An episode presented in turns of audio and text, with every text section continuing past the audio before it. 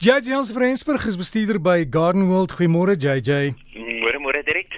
JJ, um, ek het gehoor nou die dag stokrose. Jy ken hulle, hulle kom ons hier in die koppe voor in Gauteng. As jy bou, hulle is baie allergies vir vir bouery en sement en sulke dinge, dan gaan hulle dood.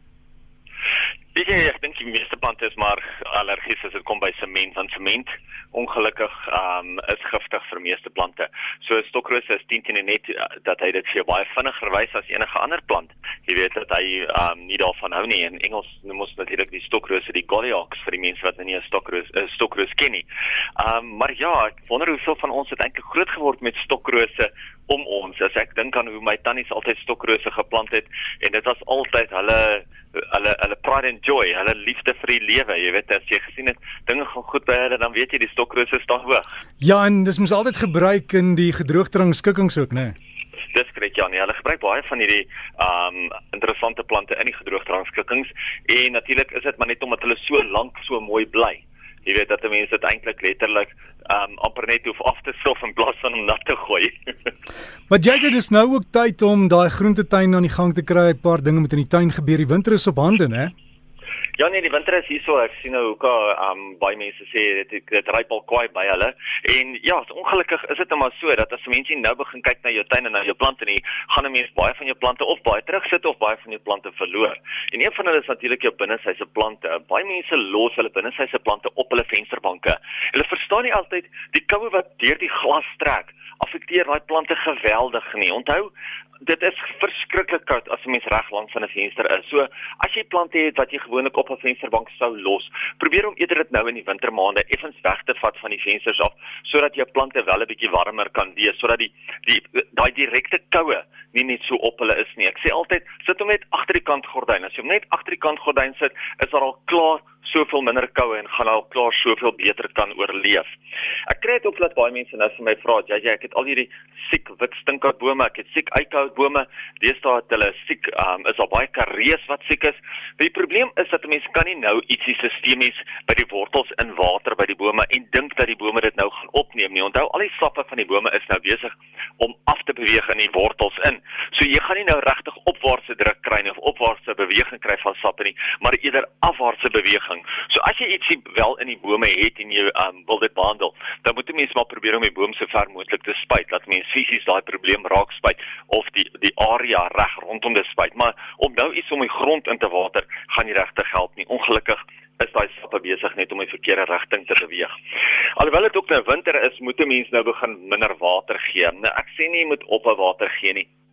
En baie mense sê nee mens moet jou tuin heeltemal laat uitdroog. Nee, mens moet nie. Jy moet eintlik jou tuin nog steeds nat maak. Maar waar jy in die verlede sou 20 minute op 'n stasie sou nat maak, kan jy dit nou 10 minute op 'n stasie maak. Waar jy elke dag sou nat gemaak het, kan jy miskien nou elke tweede dag nat maak. Onthou, as jy nie jou plante in die winter gaan genoeg water gee nie, gaan rypskade baie maklik in 'n swart ryp kan ontaard. So, maak seker dat jy nog steeds jou plante nat maak, maar gooi minder water. Moenie so baie water gooi nie.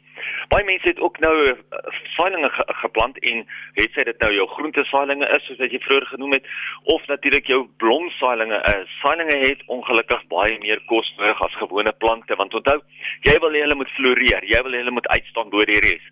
En as jy nie nou vir hulle gaan genoeg kos gee nie, gaan hulle nie kan uitstaan bo die res nie. So ja, ons het almal kompos ingewerk toe ons dit geplant het. Ons het ons kraalmis ingewerk wat wel 'n bietjie kos het, maar jy moet maar ook baie meer gereeld voer.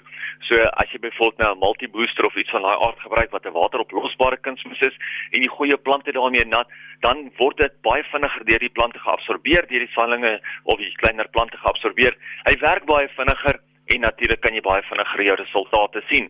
So ja, mense kan dit meer gereeld doen. Jy kan miskien sê een keer 'n week, 'n week en elke twee weke kan jy ten minste jou plante daarmee voer.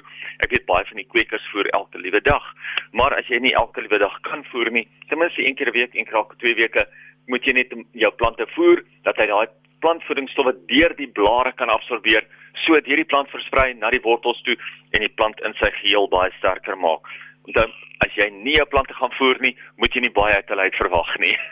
so so maklik soos dit. Voer jou plante, verwag baie en jy sal baie kry. Ons plant van die week vir hierdie week is een van ons klein inheemse miniatuur alwyntjies, 'n Allo Goldfish. Nou hy groei omtrent net so 10-15 cm hoog met pragtige geel blommetjies reg bo op hom. Jy kry hom deesdae in 'n pragtige pot ook sommer wat jy hom kan koop as 'n geskenk. En ek wil nou nie dit hardop sê nie, maar Vadersdag is om die draai. So as jy ietsie interessant soek, gaan kyk miskien vir hierdie Allo Goldfish. Dit is een van die alwyne wat natuurlik baie hard is, min water nodig het, lekker baie son kan hanteer. Hy kan selfs binne sy ergens in 'n baie ligte area staan en dan as jy sien maar hoorie so hy het 'n bietjie meer lig nodig, skuif hom maar nader aan 'n deur of aan 'n venster en gelukkig is hy soos ek gesê van die geharder alwyne of van die geharder plante wat 'n mens self binne sy huis kan hou. So gaan kyk uit vir die plant van die week vir hierdie week, een van ons klein miniatuur alwyntjies, 'n uh, Allo Goldfish. JJ Jansen van Rensburg het so gesels oor tuinmaak en daai Hello Goldfish, jy kan ook maar net Google daarvoor, ek sien die prentjies is daar beskikbaar. En lekker tuinmaak, geniet dit en as jy vir JJ wil e-pos is JJ by gardenworld.co.za. JJ by gardenworld.co.za.